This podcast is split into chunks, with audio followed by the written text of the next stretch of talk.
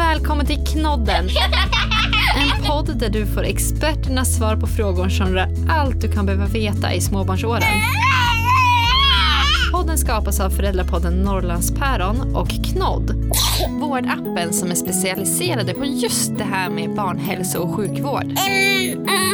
Och vi förstår att du som förälder vill lära dig mer om ditt barns hälsa och utveckling. Därför säger vi varsågod till ett fantastiskt avsnitt av Knodden. Hej Dag! Hej Jenny-Li, vad trevligt att få träffa, med, träffa dig så här på digitalt medium. Eller hur? Jättetrevligt att få prata med dig också. Ja, och jag befinner mig i Göteborg i lite grådisigt väder här idag. Jaha, vi har faktiskt riktigt fint höstväder här. Jag har träden som börjar bli gula och röda här utanför fönstret och solen, men det blåser lite. Okej, det är som det är med väder. Det, det kommer och det går. Eller hur? Och du sitter ju här med mig mig idag för att du har ju bland annat varit med och startat den här vårdappen Knodd. Stämmer bra det. Sommaren 2018 eh, har jag varit med på Knodd och eh, lagt upp in, upplägg och innehåll och hur vi ska arbeta på ett för barnen medicinskt och säkert och bra sätt. Gud vad spännande. Men kan du inte bara snabbt berätta lite om vad du har gjort innan Knodd? För du har ju varit i den här branschen länge. Ja du, det har jag faktiskt varit. Eh, jag har ju varit inom den medicinska världen ända sedan jag började min utbildning och det är ju faktiskt eh, över 40 år sedan. Eller närmare 40 år sedan. Eh, och barn har jag jobbat med sedan 1989. Ehm, och färdig barnspecialist inom barn och ungdomsmedicin, det blev jag 1993. Så att det är nog som så att en del av de föräldrar till och med som använder sig av Knodd idag, de var nog inte födda under mina första år när jag jobbade med barn och barnsjukvård. Det är ju otroligt. Alltså du, jag tänker att på de här, på de här åren måste det ha hänt otroligt mycket i barnmedicinvärlden. Ja, det är ju som samhället i övrigt och där har ju medicinska utvecklingen följt med. Därför man kan säga att eh, det, det, har hänt jättemycket eh, och vi kan ju idag inom den barnmedicinska och barnkirurgiska världen rädda väldigt många barn eh, till livet faktiskt med moderna eh, typer av behandling, både vad det gäller hjälpmedel, tekniska hjälpmedel, när det gäller läkemedel, när det gäller provtagning och diagnostik. Så det har gått väldigt mycket framåt, eh, det kan man lugnt säga. Vad skulle du säga, är det någonting som förälder som skiljer sig idag från hur det var förut? Hur vi som föräldrar beter oss eller vad vi tänker på eller oroar oss för eller några sådana saker? Jag måste flera saker som jag tycker eh, när man tänker i ett längre tidsperspektiv har förändrats. Och en sak är att vi har fått en väldigt mm, mm, stor tillgång till all information på, helt osorterad via internet. Och det tycker vi ju är oftast jättebra. Men jag och vi som jobbar inom barnsjukvård och barnhälsovård ser ju att det skapar också en oro och frustration för man vet inte riktigt hur man ska hantera och tolka allt det som man läser. Så att den tekniska utvecklingen är en sak. Hur vi använder läkemedel är en helt en annan sak också. Jag tänker då på kanske främst antibiotika. Eh, förr så var vi väldigt frikostiga med antibiotika. Eh, men det har svängt under de senaste framförallt eh, 10-15 åren eh, när vi har blivit mer medvetna om att antibiotika inte alltid har den eh, avsedda effekten som vi önskade. Och då är vi restriktiva numera med att skriva ut antibiotika för att minska också risken att den här resistensutvecklingen som kan bli om man använder för mycket antibiotika. Känner du att vi föräldrar har förståelse för det eller möter ofta föräldrar som blir frustrerade över att de inte får antibiotika? Det, det, är en sak som jag tänker på ganska ofta när jag träffar familjer och i den situationen att man tar, ska ta ställning till om man behöver eller inte behöver skriva ut antibiotika. Det är att jag tycker idag så har de allra flesta en väldigt stor förståelse för det. Och många föräldrar säger, vad skönt, jag vill egentligen inte heller att man ska få antibiotika. Men för 20 och 30 år sedan, då var det tvärtom. Då fick man då fick man övertala föräldrarna att inte skriva ut antibiotika, men det är annorlunda idag och det är väldigt bra. Det är jättehärligt. Men om vi hoppar tillbaka till det här med, med Knodd som då är en vårdapp som också är ganska nytt. Eh, med att man kan söka vård via eh, mobilen. Varför tror du att digitaliseringen är viktig för barnsjukvården eller sjukvården i stort? Om vi nu tänker att eh, de stödresurser som eh, vi har inom vårt moderna demokratiska samhälle, de ska vara ändamålsenliga och de ska stödja befolkningen på det sätt som befolkningen lever i sin vardag då har vi behov av att ha många olika typer av att mötas och kunna möta de behov som uppstår i olika situationer eh, för våra medborgare. Eh, vi vet ju att vi använder ju det digitala mediet i så mycket annat hela dagarna. Bankärenden, vi kanske handlar via appen, vi kollar när bussar och tåg går, vi handlar biljetter. I stort sett det mesta gör vi ju nästan via appen. Vi har sett att den yngre generationen som har tagit till sig det här i väldigt hög utsträckning. Då vill vi också försöka möta dem utifrån deras vanliga vardagsliv och kunna möta dem med att skapa en tjänst som är eh, seriös, som är utifrån barnets och familjens behov och det utgår från att kunna möta dem i den situation och i var tid som deras behov uppstår. Mm. Men det, det jag tycker är fantastiskt med, med Knodd är ju också att eh, ja, men de gånger jag använt det så är det kanske ofta på tider då vårdcentralerna inte har öppet, alltså kvällstid, då man fortfarande blir orolig och istället för att behöva tvinga sig själv att leva med den här oron en helt natt till vårdcentralerna öppnar så har man, har man ju er. Så är det. Eh, det, är, det är ju som så att vi har ju öppet eh, i stort sett ja, vi har öppet varje dag, från tidig morgon till sen kväll. Och när jag kan gå på akutmottagningen ibland så möter jag ju inte sällan barn som jag kan se att det här hade varit ett typiskt fall som vi hade kunnat hjälpa i det digitala mediet. Mm. Det är helt fantastiskt att det finns. Men idag ska ju du och jag prata om ett ämne som jag vet att många föräldrar tycker och tänker olika kring. Ja, det stämmer det. Och det är ju det här med vaccination av barn. Varför, varför vaccinerar vi barnen? Ja, alltså det korta svaret är ju egentligen att eh, vi vill att barnen ska få ett hälsosamt och friskt liv och slippa en massa sjukdomar som vi som är lite äldre har fått genomleva och ta konsekvenserna av det i, i våra generationer som, som är, är, var före dagens unga. Vilka sjukdomar är det som vi vaccineras mot idag i det här barnvaccinationsprogrammet? Ja, det är ju flera olika det är många, vax, många sjukdomar som man vaccinerar mot. Och det allra senaste tillskottet, det är ju den här rotavirusinfektionen som man får vaccination mot nu redan eh, som när man är sex veckor och kanske tre månader. Och det är ju för att förhindra allvarliga kräkningar och diarréer som de flesta av barnen drabbas av innan fem års ålder. Eh, så har man beslutat att erbjuda och lägga in det här eh, vaccinet i, i barnvaccinationsprogrammet.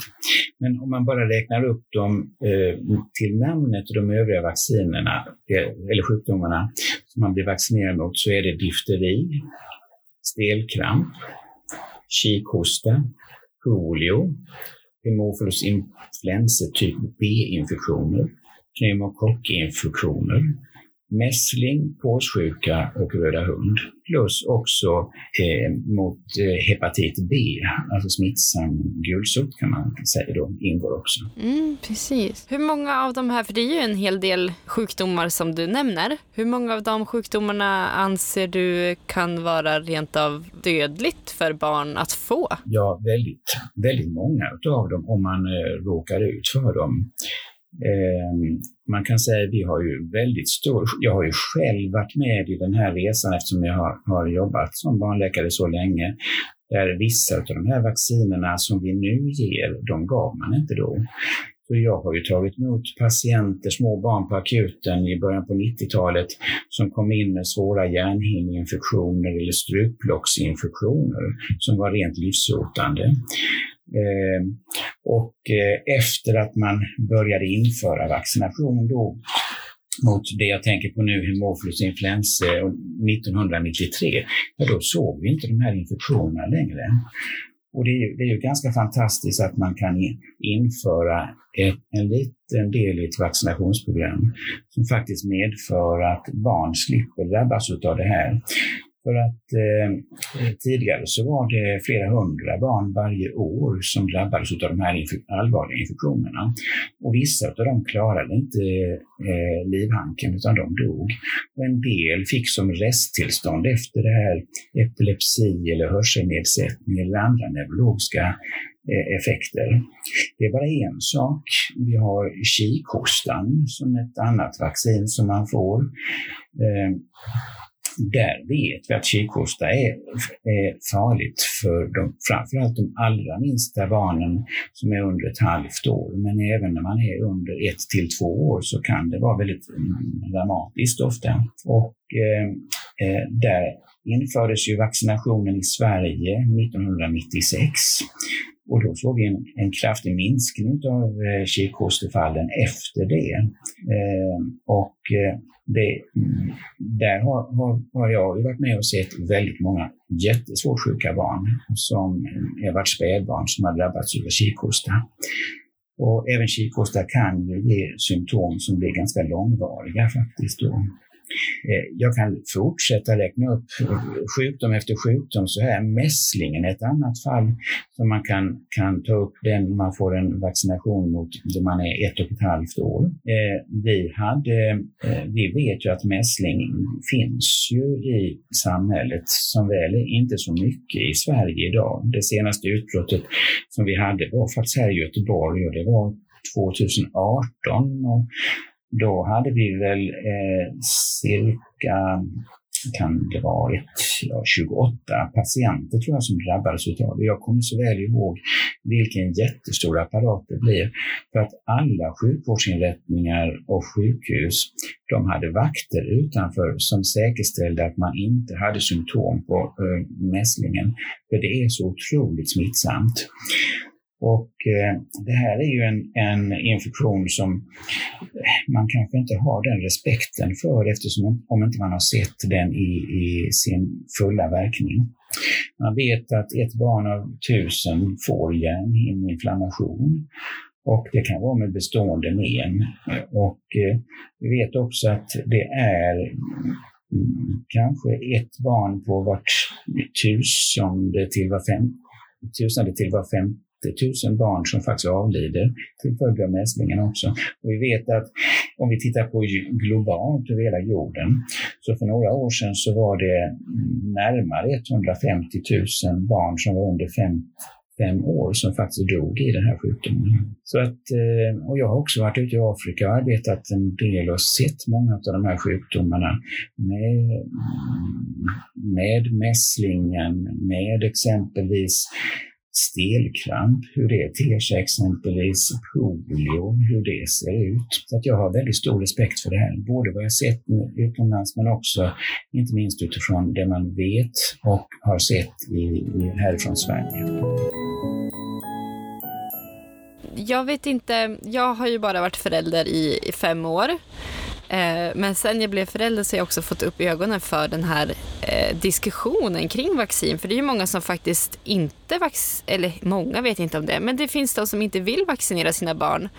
Eh, mycket på grund av kanske risker som vaccinet kan ha också. Vad, vad skulle du säga vad fördelar, nackdelar? Vad, vad överväger du? Ja, att vaccinera sig är ju i Sverige ett frivilligt, eh, ett frivilligt erbjudande som samhället tillhandahåller för att man har sett vilka stora effekter det har på, på hälsan i hela befolkningen.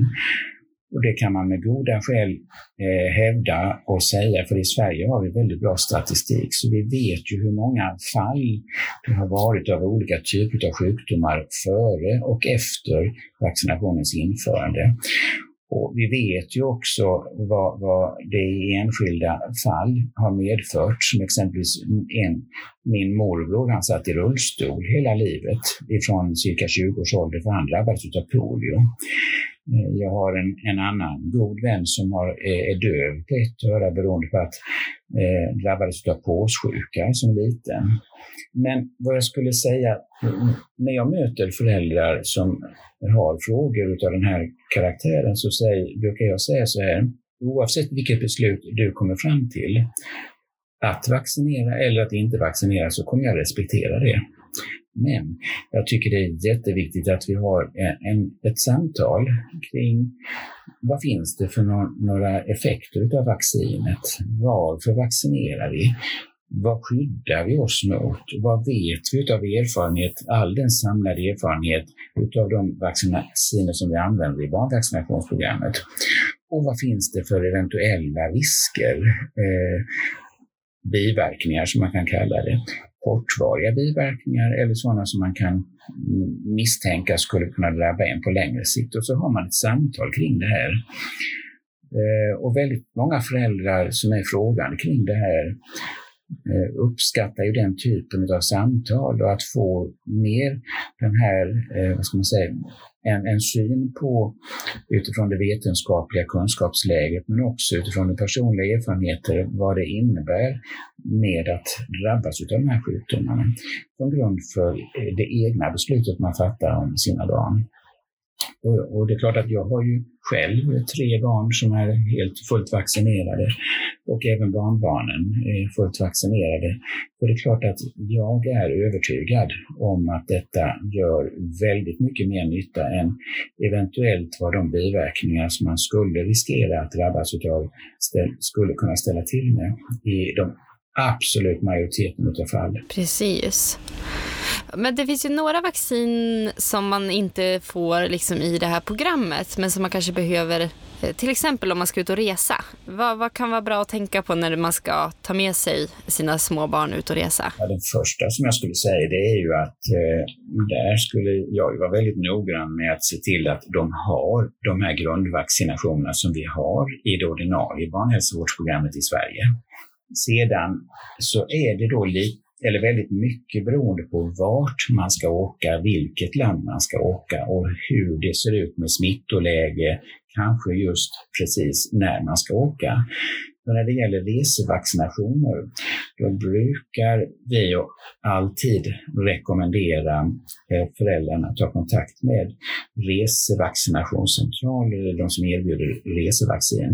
För där är man uppdaterad på vad som behövs kompletteras med i sådana fall. Jag kan väl säga utöver de vaccinationer jag nämnde om tidigare så har vi ju faktiskt också ett antal barn som är vaccinerade mot tuberkulos här i Sverige. Eftersom man har Eh, en, ett ursprung, eller föräldrarna har ett ursprung ifrån det man kallar ett riskland för just TBC. Så att det kan vara värt att nämna om just eh, mm, BCG-vaccinationen som ges till små barn. Det ges oftast kanske inom det första halvåret eller så när de är nyfödda. Eh, så att det, det, det, är väl ett, ett tillägg till det redan tidigare sagda. Då. Mm, precis. Men om vi tänker på när det är dags för den här vaccinationen. Eh, när barnen är väldigt små. Eh, för hur gammal är man när man får första vaccinationen? Då är man bara någon månad. Då är du ju kanske bara 6 till 8 veckor gammal. Ja, precis. Och då är det svårt att föra ett samtal kring vad som ska hända, ja. eller hur? Det vet du. det är svårt. Kan man, kan man förbereda sig själv på något vis som, som förälder? Ja, jag tycker att och man kan känna att även om det blir ett litet stick, eller kanske två till och med, eh, för att man brukar få två sprutor till att börja med i de första omgångarna när man kommer till BVC. Att se det här är ju faktiskt eh, väldigt kortvarigt som det blir ett litet stick för barnen, men om man tittar på de långsiktiga effekterna så, så, så bidrar jag till att mitt barn ska få vara friskt och behålla sin hälsa och, en, få väldigt liten risk att drabbas av de här sjukdomarna. Det är ju det första om man ser det så. Sen kan man säga när barnen kommer till BVC och ska vaccineras, då kan det vara bra att tänka på att de är väl nyätna så att man eh, eh, mätt och glad och lugn utav bara den anledningen. För då brukar man uppleva det här lite mindre besvärande än vad man kanske annars gör. Så det kan vara en sån där sak att tänka på. Plus att det är klart att om nu barnet skulle ha råkat drabbas av en akut infektion med hög feber eller så, ja då är det inte lämpligt och då brukar vi inte ge vaccin när man har den typen av symptom utan då får man avvakta tills barnet har frisknat till igen. Mm, precis. Men för sen så är det väl någon gång våra äldsta fyllde fem nu och då tog ju de vaccin igen.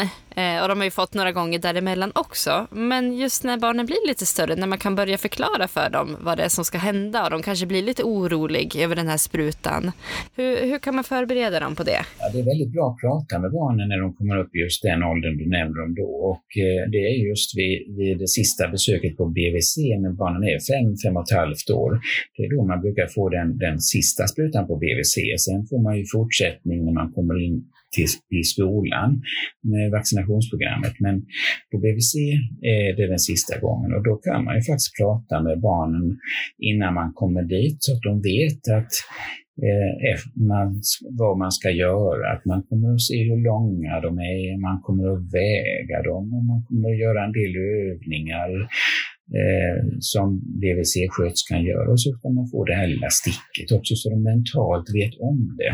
Så det inte kommer som en, en blixt ifrån klar himmel utan det är alltid mycket enklare och bättre att kunna eh, ge en vaccination till ett barn som är lite psykologiskt förberedd på att ja, det kommer ett litet stick också, det vet jag. Och mamma och pappa är lugna och trygga med det och då, då, då kan nog jag känna att jag får ett stöd i den också, även om det är lite läskigt att få den där sprutan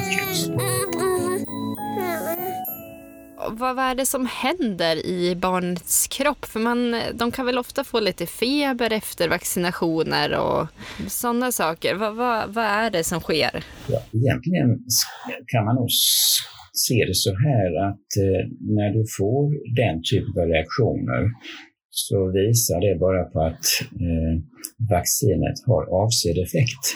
Eh, för vad man vill åstadkomma det är ju att kroppen ska få ett immunologiskt, eller en immunologisk reaktion som skapar ett immunologiskt minne med antikroppar och ett försvar så att man som barn blir skyddad mot de här infektionerna som man kan drabbas utav.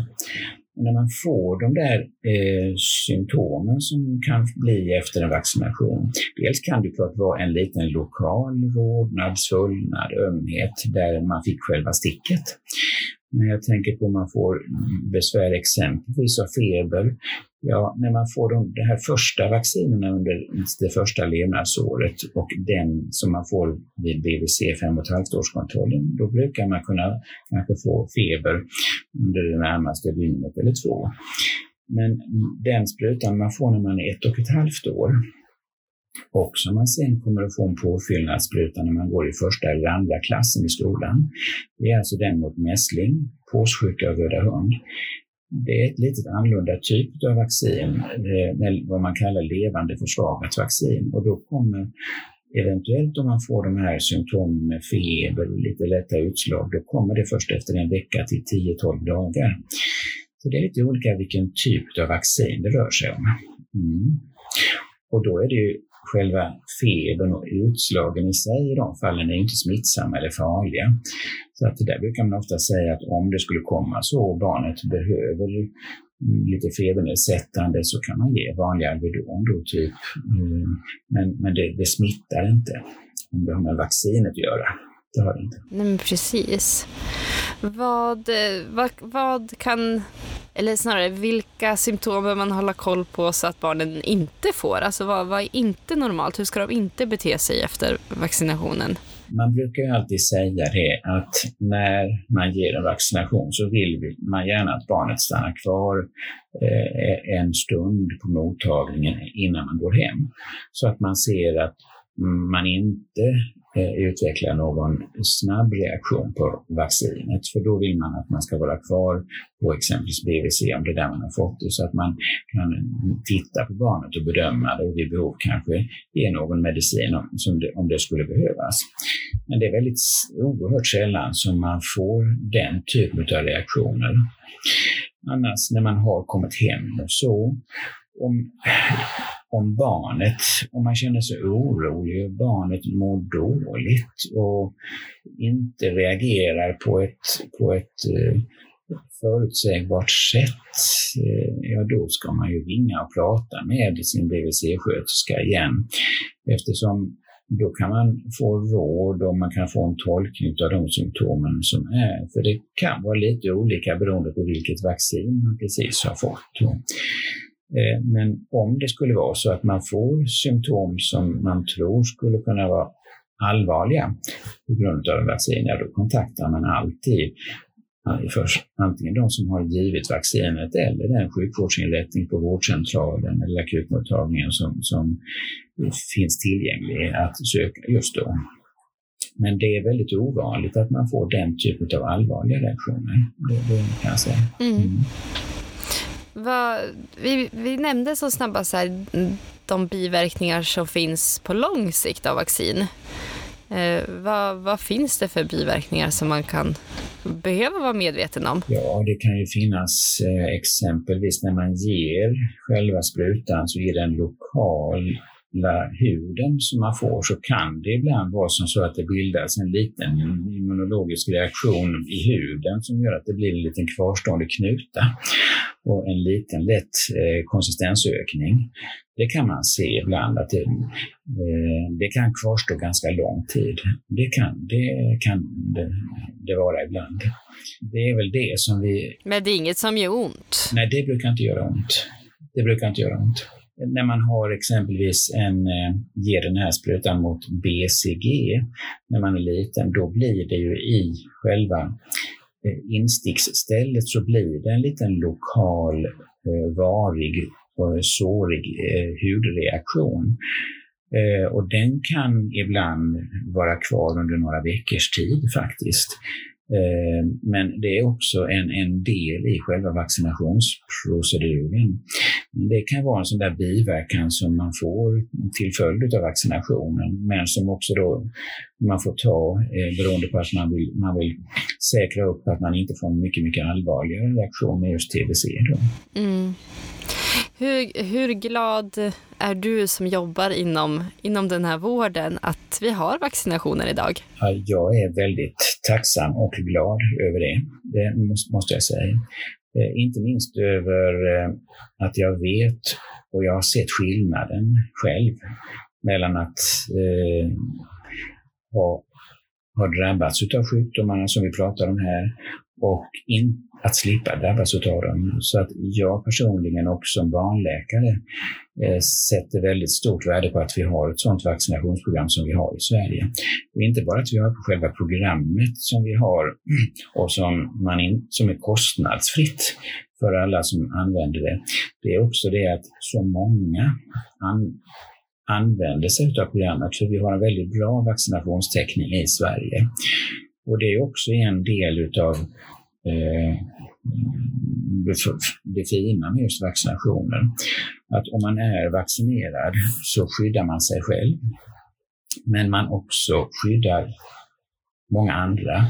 För att då får inte smittan fotfäste och jag kan inte då heller vara en som bidrar till att smittan sprids vidare till andra det kan finnas de som utav vissa sjukdomar eh, kan bli väldigt, väldigt dåliga beroende på också att vi i dag, dagsläget Många som står på medicinska behandlingar som kan påverka immunsystemet som blir väldigt känsliga för olika typer av infektioner i så fall. Så svar, svaret är otvetydigt att jag är väldigt positiv och eh, glad över att vi har ett sådant vaccinationsprogram och en sån hög vaccinationstäckning som vi har i Sverige. Samtidigt som jag har förståelse för föräldrar som kan känna en oro beroende på att det finns så, så mycket information om det här. Men det viktiga för oss inom vården och där vi finns, det är att vi, vi kan möta eh, de här föräldrarna som känner en tveksamhet och kunna få, få ge uttryck för deras oro och rädsla och, och kunna svara på de frågor där vi vet att det finns ett svar att ge. Precis. Och i, i, i vårdappen Knodd så har ni också utvecklat en jättebra funktion tycker jag, där man kan samla vaccinationerna. Ja, du tycker det. Då, då är vi ju helt överens. För att eh, en av svårigheterna eh, när man har mycket olika saker att hålla i minnet, det är ju att komma ihåg var var det man fick, när var det och var var det någonstans? Och vad var det för någonting som ingick i den sprutan? Så där har vi också utvecklat en vaccinationsmodul. Utöver också att vi har en sån här tillväxtmodul där man kan följa hur barnet växer, både på vikten och längden. man kan lägga in för varje BVC-besök. Så lägger man in vikten och längden själv så har man det i sin egen mobil i appen då. Så har vi det också för de olika vaccinationerna. Och eh, då, då, har vi gjort det som så att när du programmerar in i appen när ditt barn är fött, då, så då kommer man per automatik in i det vaccinationsschemat som gällde för den tidpunkten när ditt barn var fött. Och då kan du bara lägga in per automatik vilka vaccinationer som barnet får och så har du det alltid med dig i fickan när du skulle behöva ha reda på vad var det nu egentligen. Det är jättebra. Men för vi fick ju, eller vi får ju på BVC en sån här liten bok eh, som de tycker att man ska komma ihåg. Men den har ju legat hemma på bordet fler gånger än vad den faktiskt har varit med. Så det, det har varit otroligt skönt att man nu har det i telefonen. Ja, och det är min erfarenhet också. När, eh, det, det, det, är så mycket att komma ihåg så det är lätt att glömma bort den där boken.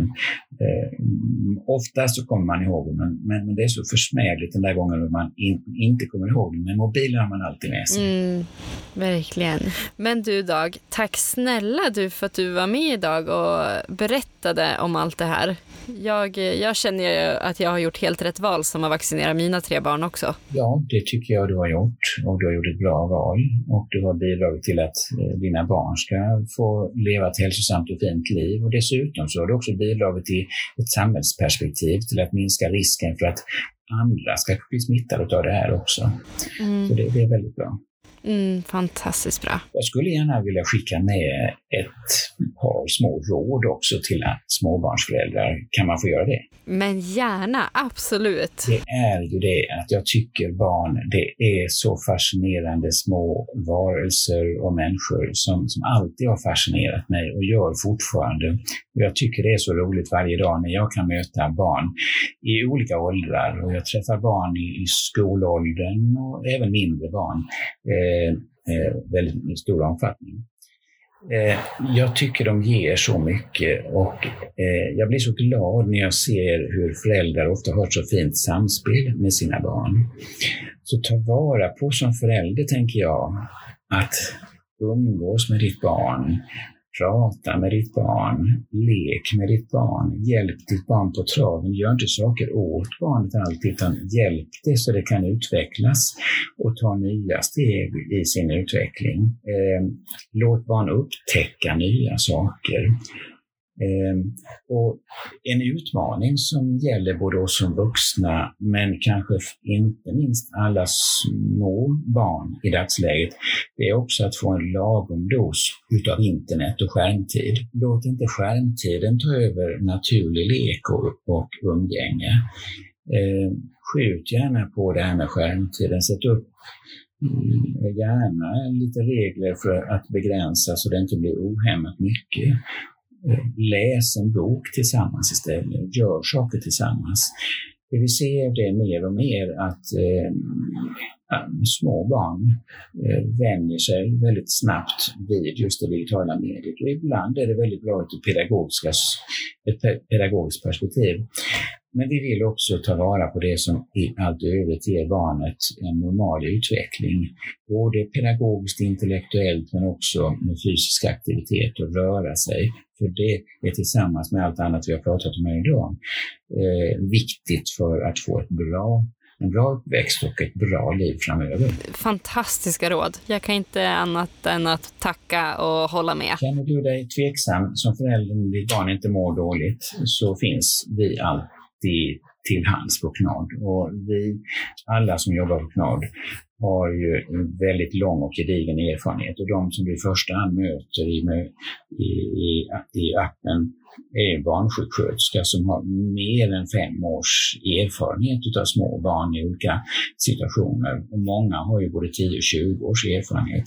Så du kan känna dig trygg. Och det gör jag också när jag ser hur många som uttrycker vilken hjälp och hur tacksam man är när man ger värderingar av appen så känns det väldigt tryggt och, och rätt. Så jag är glad att eh, få vara med på den här resan med KNAD och hoppas att många fler ska få chans att ta del av eh, vår, vår tjänst. Det hoppas vi verkligen. Och många, eller många, men några stycken hör man ju just nu i den här podden. Vilket är jättekul att vi får lära känna er lite grann. Ja, detsamma. Tack snälla igen för att du var med Dag och ha en fortsatt fin dag. Tack ska du ha.